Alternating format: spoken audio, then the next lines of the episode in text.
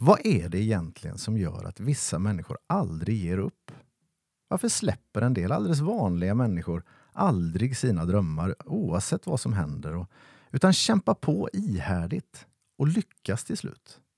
Medan andra med hur mycket potential och talang som helst flaxar fram genom livet utan att någonsin orka hänga i länge nog att se några som helst resultat.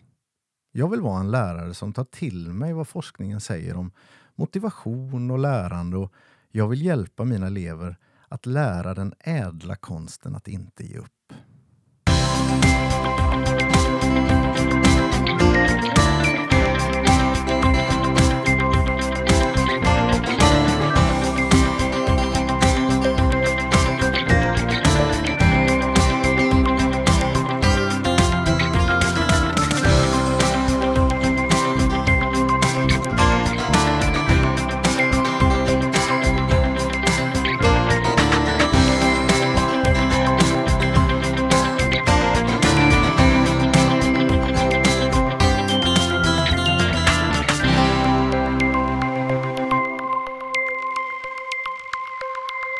Och välkomna till podden Jag vill vara en lärare som. En podd där vi pratar om lärande. Vi som gör detta heter Daniel Johansson och Daniel Dahlström. Och vi jobbar båda som SO-lärare på Furulidskolan i Aneby. Och dessutom studerar vi båda. Och en är föräldraledig och ja. Så är det. Så är livet. Bra. Det var lite enklare förut. Det räckte med att säga att vi, vi var SO-lärare på ja. Furulidskolan i Aneby. Ja, men det är lite roligare nu. Ja, men faktiskt. Nej, det var roligt då också. Ja, men eh, det är kul att det sker lite förändring i livet, tänker jag. Ja, men det är det. Och, mm. och på tal om förändring. Ja, eh. vi har ju en eh, grej på gång så, som vi har tänkt vi ska lansera här framöver. Eller ganska snart faktiskt. Ja, inom ett par veckor eh, ja. händer det. Ja, och, och jag tänker att det bästa sättet att se detta eller märka detta, det är väl att hänga med på vår Facebook-sida kanske? Ja, eller på Soundcloud. Det dyker upp i flödet där. Ja. Eh, fredagsfika med Daniel. Om man prenumererar på vår podd, eh, då kommer man ju även upptäcka det där. För då kommer, kommer man inte undan. Flöde. Ja, då kommer man inte undan. Nej. Men det blir lite, lite ett annat grepp kanske, där vi kommer prata lite mer, eh, vad ska vi säga? Jag höll på att säga avslappnat, är det rätt ord? Ja, det kan ja. det vara. Och eh, där eh, samtalsämnena kanske inte blir lika riktigt lika långa. Nej. Utan vi, vi tar lite mer aktuella grejer och vi, vi pratar igenom dem men, men eh, inte riktigt i det här formatet. Lite sånt som vi funderar på. Verkligen. Eh, vi har lite spännande samarbeten på gång också. Ja. Eh, men det återkommer vi till när vi väl lanserar oss. Jajamän. Men det här betyder ju inte att eh, jag vill vara en lärare som slutar. Nej, verkligen inte. Utan det är bara ett komplement. Ja, ja. Du, eh, jag gillar ju att spela gitarr, som du vet. Mm, det vet jag. Ja, men häromdagen så satt jag och tittade på ett klipp där de gick igenom lite nya gitarrmodeller från ett känt gitarrmärke som jag inte ska nämna för då måste jag ha spons. Eh, men, men hon som gjorde detta, hon var väldigt tydlig med att lyfta upp det här med, med träning och övning och då tipsade hon om en bok som heter Grit. Eh, och sa att det här är det viktigaste som varje gitarrist borde känna till. Ungefär något sånt. Vad spännande. Ja, och det... och vilket sammanträffande. Ja. Här sitter vi och planerar för att göra tre stycken avsnitt om just det. Ja. Utifrån den boken. Ja. Eh, som heter, ska du säga vad boken heter? Ja, men den heter Grit, konsten att inte ge upp, ja. av eh, Angela Duckworth. Och det här får inte vi betalt för att säga, men vi rekommenderar gärna den ändå. Så är det, ja. absolut. Så ja. jobbar vi. Ja. Nej, men just eh, det spännande ingången här är ju det här, alltså, jag tror att vi alla har ställt oss frågorna liksom, vem är det som ger upp och varför gör folk det och varför ger en del inte upp och, och sådana där saker. Mm. Och det är det som är frågorna bakom den här boken. Mm. Jag grunnar mycket för egen del just nu på det här med hur man bygger sunda och bra klassrumskulturer och sånt där. Mm. Tror du vi kommer hitta några nycklar kring det i de här samtalen? Hoppas det. Ja. Absolut, för det, jag menar, det är klart att vi den där typen av frågor dyker upp där man är verksam. Liksom. Är det i skolan så är det klart man funderar på det bland eleverna. Varför kämpar en del så förtvivlat och en del gör det inte? Ja. Och likadant i ett idrottslag eller på en högre utbildning eller vad det är. Liksom. Eller som gitarrist kanske? Eller som gitarrist, precis. Bra. Eh, ja, ska vi säga någonting om vilka avsnitt det är vi ska göra då? För du sa någonting om att vi skulle göra typ två eller tre? Ja, tre, Tre till och med, tänkt, faktiskt. ja. Ja. men det första avsnittet nu handlar mycket om att, att kika på vad kommer det här ifrån och vad är grit? Mm. Eh, Det är någon sorts lite definition och bakgrund sådär. Mm. Eh, Andra avsnittet kommer handla om varför grit är viktigt. Mm. Vi går lite djupare in i det. Och till slut, eh, kanske det som på ett sätt blir en väldigt logisk och bra avslutning, det är ju det här, hur kan vi, hur kan vi jobba med det här då? Mm. För Angela Duckworth hävdar att grit kan utvecklas. Okej. Och hur gör man då? Med sig själv eller med sina elever eller med sina barn? Eller, ja, sådär. Mm. Det kommer det tredje avsnittet handla om. Jag tänker att den som följer oss och har hört oss flera gånger sitter nu hemma och eh, nyfiket undrar, kommer de säga någonting om mindset? Ja, men det här är väldigt nära relaterat till mindset. Och, Okej. eh, Angela Duckworth själv Alltså hon, hon hänvisar ofta till Carol Dwecks forskning och, och det här, man kan nästan se det som en avknoppning därifrån. Ja. Det här är inte något som har hänt eh, separat från varann men det kompletterar varann på, så, på ett väldigt bra sätt. Men det, det återkommer vi till. Mm. Eh, den här Angela Duckworth då som är Mm. svår att uttala tycker jag. Ja, fast, vi, lite. fast vi har varit inne på världen när vi snackar flow och sånt där. Oj, oj, oj. Eh, men, men det jag tänker på, eh, om man vill bekanta sig med henne. Ja, jag tycker ju vi kan tipsa om eh, hennes eh, TED-talk Mm. som man hittar om man bara söker efter Angela Duckworth där. Eh, det har eh, 22 miljoner visningar. Mm. Eh, det är lite häftigt. Mm. Eh, det är från 2013 och heter Grit, the power of passion and perseverance. Mm. Eh, kort, 6-7 minuter tror jag, Mm. eh, men eh, väldigt bra. Bra, något mer ska vi ska säga innan vi drar igång tycker du? Nej, men jag tycker alltid det är lite skönt att kunna säga att våran podd riktar sig ju till lärare i första hand. Mm. Men det här är verkligen avsnitt som, är, som jag hävdar är intressanta för föräldrar, för tränare, för ledare, alltså för alla som har med människor att göra och som funderar kring det här om, ja, om att ge upp eller inte ge upp. Liksom. Mm. Och att lyckas med saker. Mm. Alltså, då, då är det här relevanta avsnitt som vi Mm. hoppas kom- kommer bidra med, med lite intressanta tankar. Mm. Jag tänker eh, spontant så här att eh, när du har blivit mer bekant med det här med grit och sånt där, har det på något sätt påverkat ditt eget liv? Mm. Jo, men jag tycker det. Och, och kanske framför allt det här då att vara förälder. Alltså hur pratar man med sina barn och sådär. Eh, där, är- alltså det har verkligen fått mig att tänka till mycket. Och, och det är klart att det, det, den processen började ju redan när vi pratade om mindset och, och det här med growth mindset-tänket. Att, att saker och ting bara inte är som de är utan man kan ändra saker. Mm. Och det har ju utmanat mig och, och jag försöker utmana mina barn och mina elever och sådär Mm. också. Så absolut, det tycker jag. Mm. Så jag hoppas att fler kan känna så. Bra. Då kör vi.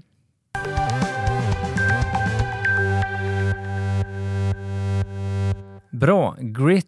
Eh, jag har ju stött på detta, eh, inte bara genom dig, utan jag har läst lite själv och, också där, och inte minst nu senaste tiden i mina studier har jag varit inne och snurrat på det här och då tänker jag att ibland stöter jag på människor eh, som jobbar med ja, lärande eller ledarskap som är väldigt väl bekanta med detta, men jag stöter lika gärna eller ofta på eh, de som inte är det. Så jag tänkte bakgrunden till det här grit, ska vi börja från början och kanske introducera det?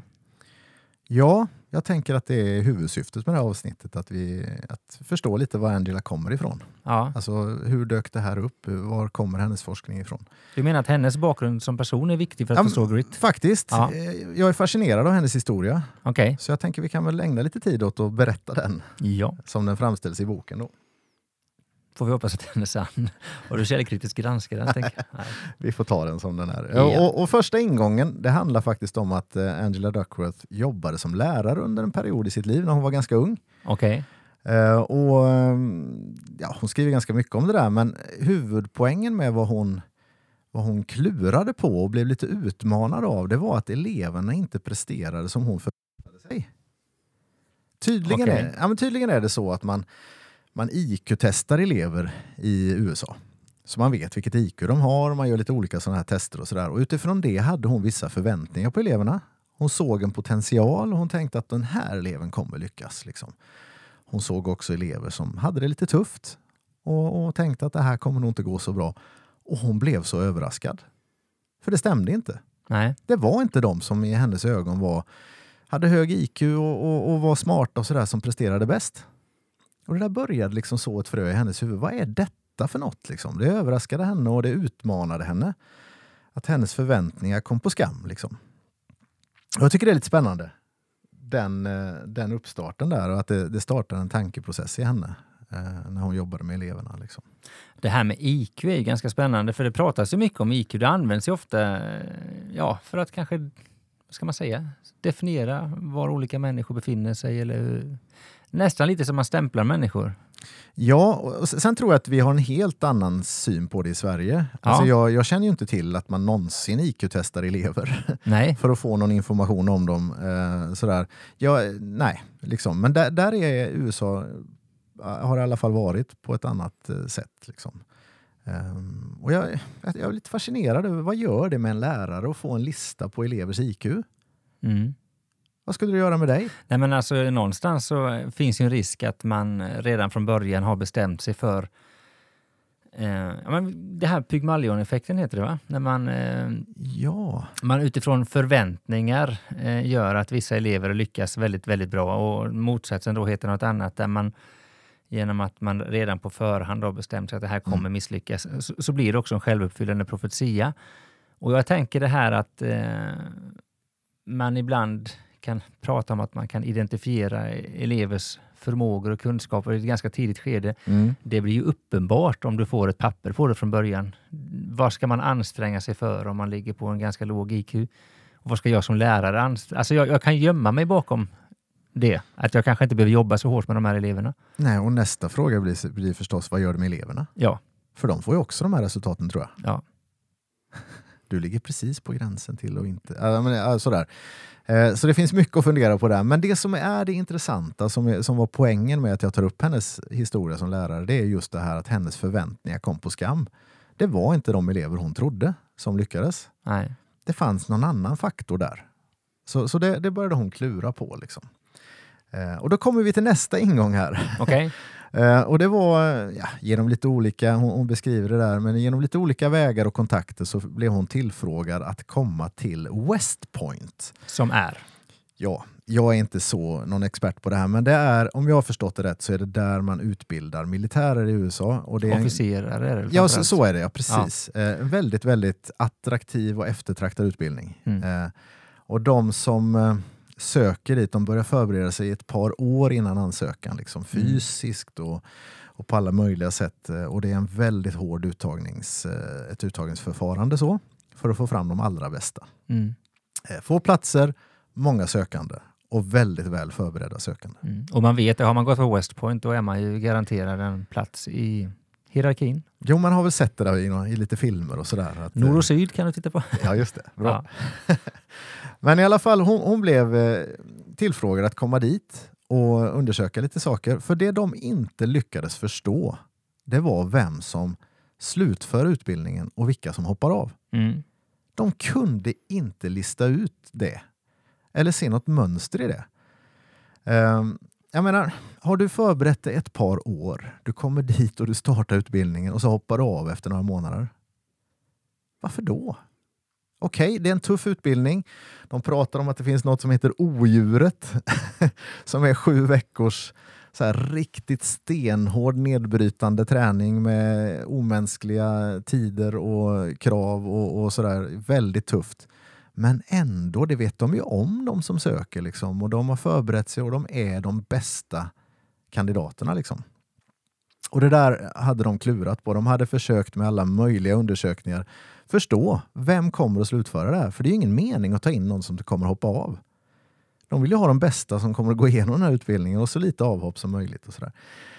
Eh, och, och de som kommer dit, de har ju för, förberett sig alltså, intellektuellt. De, de måste vara duktiga på studier. De, de, man kollar IQ på dem. Man, eh, de ska ha rekommendationer vad det gäller ledarskap och de ska ha en grym fysik och de ska vara motiverade och så vidare. Och så vidare. Och så hoppar de ändå av. Eh, och det märkligaste var att det var lika många utav toppkandidaterna som hoppar av som de som på gränsen kom in. Sådär. Och det var en sak som de på West Point hade funderat mycket över. Varför är det så här? Varför hoppar några av de bästa av?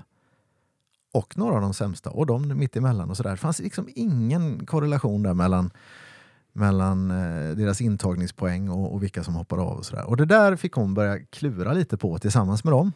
Mm. Och den frågan som uttalades det var liksom någonstans, är inställning viktigare än förmåga?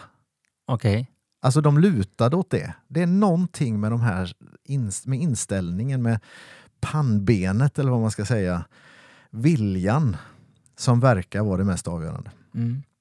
Men de, de kom inte längre än så och, och de bad Angela börja fundera kring detta. då. Eh, Så det, det är den andra ingången där. Eh, frågan hon fick från West Point att, att börja kika på det här. Okej. Och hon visste väl inte riktigt hur hon skulle ta sig an det till att börja med. Nej. Men det föll sig så att nästa ingång här då är att hon samtidigt höll på med, med ett annat projekt. Eh, om jag förstått det rätt så är hon sån. Att hon har tusen projekt igång hela tiden. Bra. Eh, väldigt driftig människa. Men eh, hon, hon hade ett projekt igång där hon intervjuar framgångsrika människor. Okej. Och det där har många gjort genom åren. och sådär. Mm. Men hon hade ett eget projekt där och för att kika på vad är det som gör att människor lyckas? Mm. Framgångens psykologi. Liksom. Och Den slutsats hon kom fram till uttrycker hon i boken som att de hade allesammans en sorts vildsint målmedvetenhet. Hur tolkar man det? Ja, jag tänker nästan någon slags psykopatisk... Man kör över allt och alla. Ja, kanske. Ja. Armbågar sig fram och... Det var kanske inte det som var det tydligaste karaktäristika här då. Nej. det, det var mer att eh, de jobbade väldigt, väldigt hårt de här Ja, människorna. förstår. Och de hade förmågan att återhämta sig från sitt hårda arbete. Mhm. De körde inte slut på sig utan på något sätt så hade de förmågan att bara, bara fortsätta jobba hårt länge. Mm. Och som en pusselbit i det så hade de alla, de, de, de visste vart de ville. Mm. De hade en riktning med sitt liv som de kunde uttrycka och som de hade tänkt igenom och sådär. Eh, och för att nå det här, för att komma vidare på sin, mot sitt mål, så hade de en väldigt stark passion och en uthållighet. Mm. Det var liksom de pusselbitar hon fick fram här med, med sina intervjuer. Och när hon sen då satte ord på vad är då det här passion och uthållighet och ihärdighet och sådär. Ja, det är då det här begreppet grit kommer fram. Mhm. Eh, och det är ju inte ett nytt begrepp, det finns ju i det engelska språket. Lite som finsk sisu eller vad man ska säga. Ja, precis. Alltså att, att vara gritty, då är man liksom, man, man ger inte upp. Nej. Så. Och det var liksom den grejen som hon såg i alla Mm. dessa framgångsrika människor. Och då, ja, då kom nästa liksom pusselbit i hennes forskning. Ha, hur ska hon tillämpa det här då? Eh, och då gjorde hon något som jag tycker är ganska spännande. Hon skapade det hon kallar för en grit-skala. Ja. Eller en, vad ska man kalla det för? En, ett grit-formulär eller en, eh, vad kallar vi för ett quiz eller vad ska man säga? Så här man fyller i. Ja, någon slags enkät? En enkät, bra. Undersökning? Ja, som kallas för the grit scale. Eh, och det, det är helt baserat på de här intervjuerna. Saker som hon såg i de här framgångsrika människorna gjorde hon frågor av. Okej. Hur gör du eller hur Ja. tänker du och sådär. Kring de grejerna. Och, och de mäter det här testet, det, man kan säga att det har två delar. Det mäter din passion och Ja. det mäter din uthållighet. Ja. De två grejerna. Och det, tillsammans då så är det något sorts mått på ihärdigheten eller gritten man har. Eh, och ett av de första ställena hon testade det här på var ju då på West Point. Hon åkte tillbaka dit. Nu har jag ett spår. Liksom. Ja. Nu ska jag testa något. Så hon lät alla kadetterna fylla i det här innan de började. Eh, och sen började de. Och så gjorde hon då i hemlighet ett litet sånt, eh, en förutsägelse av de här 14 kommer hoppa av eller så här. De, det är störst risk att de hoppar av och de här kommer inte göra det. Lite sådär ödmjukt. Mm. Eh, och det visade sig stämma nästan hundraprocentigt. Okej. Och det var ju lite Ja. häftigt. De var helt chockade på West Point. Ja. De hade kämpat i alla år för att förstå det här och Ja. hon bara nailade det. Ja. Eh, och då fick hon ju lite uppmärksamhet. Ja, förstår det. Och lite självförtroende kan jag Ja. tänka mig. Eh, för det enda då som visade sig spela någon roll, det var i vilken grad man hade grit. Ja, okej. Passion och uthållighet. Ja. Det är ganska spännande. ja, det är jätteintressant. Men eh, som den forskare hon är så nöjde hon sig inte utan hon testade på massa andra olika områden då. Såklart. Hon eh, gjorde något test på, det finns något, tydligen något som heter eh, The Spelling Bee. Har du hört talas om det? Nej, det vet jag faktiskt inte vad det är. Det är också något väldigt amerikanskt. Okej. En stavningstävling. Jaha. Jag tror jag sett i någon film eller sådär, att man Okej. har tävlingar där man säger, alltså man säger ett ord, Ja. ett svårt ord, och så ska eh, unga människor, är då, eh, ungdomar, säga bokstaverade liksom.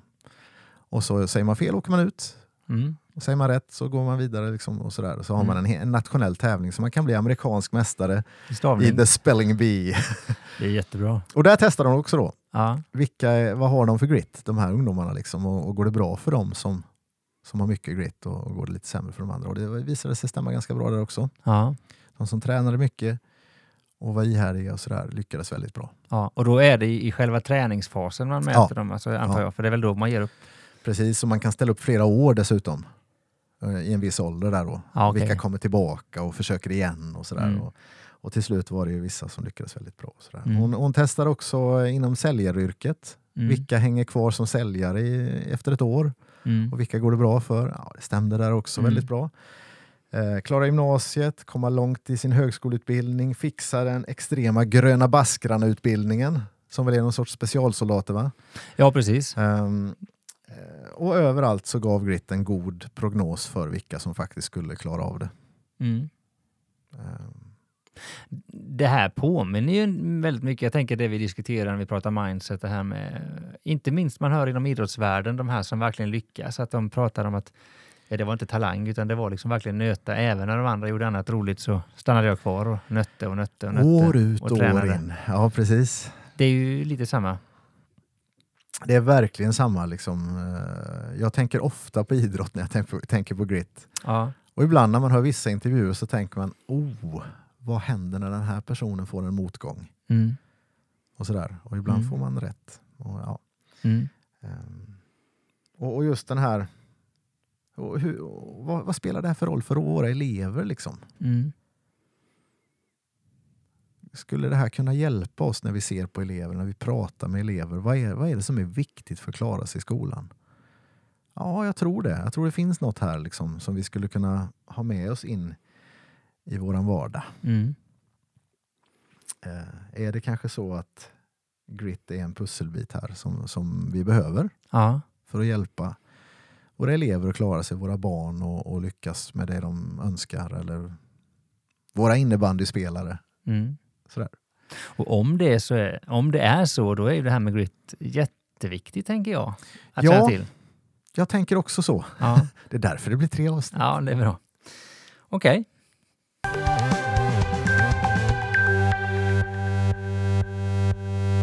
Okej, nu har vi pratat om bakgrunden till hur det här då växer fram och varifrån eh, de här tankarna har kommit från början, och vilka sammanhang och så. Och så har vi försökt få in det lite till skolan också här på slutet. Och jag tänker då, ska vi kort då utifrån det här definiera vad grit är och hur det fungerar. Är det till exempel samma sak som uthållighet eller rymmer det något mer? Eller? Ja, och egentligen har vi redan svarat på det. Eh, om vi säger titeln på hennes TED-talk där. Mm. Eh, Grit, the power of passion and perseverance. Mm. Alltså passion och uthållighet, ihärdighet, att liksom inte ge upp. Det är, det är kombinationen av de två som är så fantastisk. Och jag tänker att passion här inte behöver vara exakt samma sak som lust. Nej, Nej men det är sant. Det är, alltså inte, det måste det, inte vara roligt hela Nej. Det är inte säkert att passion är lustfyllt. Det kan Nej. vara smärtfyllt, Ja. tror jag. Men att man, man har någon sorts passion ändå för någonting. Man, man brinner för någonting. Och, och då... Ja, passion kan ju översätta lidelse. Det är ju samma Ja. ord. Det är inte riktigt lustfyllt. Nej, överlåtelse skulle man också kunna säga. Ja, Ja. absolut. Eh, och, och det är just den här kombinationen då mellan passion och uthållighet Mm. så, som har visat sig vara så oslagbar om man vill lyckas med någonting. Ehm, och ja, Och det låter ju mer maratonlopp än bara ute och latcha lite med sina kompisar. verkligen. Alltså den här långsiktigheten. Alltså Ja. att, att det handlar inte om att vara passionerad för någonting i en vecka och sen vara passionerad för något annat nästa vecka. Det här kommer vi in mer på nästa, precis. i nästa avsnitt. Men, men vi kan väl redan nämna det att det är den där långsiktiga passionen. Ja, Lite att man bygger upp en passion. Det Något kanske, Ja, förlåt. ja, men det kanske inte är något man tycker är jättekul från början ens. Nej, okej. Men man blir fascinerad, man Ja. börjar brinna för det, man, man bestämmer sig liksom för att det här ska jag inte ge upp. Liksom. Eh, och, och då växer det fram i, parallellt passion och ihärdighet, uthållighet. Jag kan ana att det har en del med fokus att göra också. Verkligen. Att inte så lätt bli störd. Ja men såklart. Eller att inte ha 17 olika fokus eller sådär. Ja. Men, men som sagt, eh, vi behöver inte ta nästa avsnitt nu. Men, Nej. men vi kommer mer in på det då och vi ska fundera lite kring hur, hur, eh, hur funkar det här med passion och uthållighet Mm. då? Mm. Vad är det som är viktigt? Liksom? Mm. Eh, Sen kan man ju fundera på hur gör vi våra elever passionerade för grejerna i skolan? Det är ju ingenting de har valt. Nej. Eller så. Nej. Så det är klart det finns en inbyggd svårighet i det här också. Det kanske är lättare när man har med innebandyspelare att göra eller eh, alltså så. Mm. Eller med barnens intressen om de sätter upp och drömmer om någonting sådär. Men då kanske det är lättare att hitta passionen där. Mm. Men att man inte får glömma uthålligheten då. Mm. Jag tänker på det här med kortsiktiga och långsiktiga mål. Ehm, Ja. vad är det vi bygger för någonting? Är det en lektion eller bygger jag en framtida karriär? Eller vad man ska säga det för. Om du förstår vad jag tänker lite där. Mm. Ja men precis att man ser kopplingen mellan de kortsiktiga och de långsiktiga målen någonstans. Ja. Att det är faktiskt de ska ha samma fokus som du sa där. ja. Eller sådär, Mm. för att fungera. Men vi kommer prata en del om målsättningar och sånt nästa gång också. Okej. Ehm, faktiskt. Så jag Mm. tänker att jag faktiskt som avslutning nu eh, ska läsa ett citat. En liten definition sådär om grit från en artikel jag hittade på eh, forskning.se av Lotta Nylander. Jag tyckte det var lite så kort och lite kraftfullt eh, vad grit är. Mm. Engelska ordet grit betyder beslutsamhet. Inom populärpsykologin brukar grit beskrivas som konsten att inte ge upp. Inom psykologin är grit ett icke-kognitivt drag baserat på individens passion för ett visst långsiktigt mål. Grit kan utvecklas och förstärkas, både av oss själva och genom stöd från föräldrar, lärare, chefer eller vänner. Grit handlar om att hitta sin passion i livet, ringa in sitt personliga skäl till att fortsätta framåt, aldrig sluta öva och att se varje misslyckande som ett tillfälle att lära. Ja, du har idag lyssnat på podden Jag vill vara en lärare som, som alltså handlar om att vara en lärare som vet vad grit innebär och som försöker lära eleverna vad forskningen säger är viktigt för att någonstans lära sig den ädla konsten att inte ge upp. Följ oss gärna via vår Facebook-sida Jag vill vara en lärare som eller vår hemsida jag vill vara en lärare som.se. Lyssna på oss gör du via Soundcloud eller någon annan sida eller app där poddar finns. På Facebook via mejladressen daniel at jag vill vara en lärare som.se kan du ge respons, ställa frågor eller komma med idéer och gör gärna det. Daniel och Daniel tackar för oss. Vi hörs snart igen.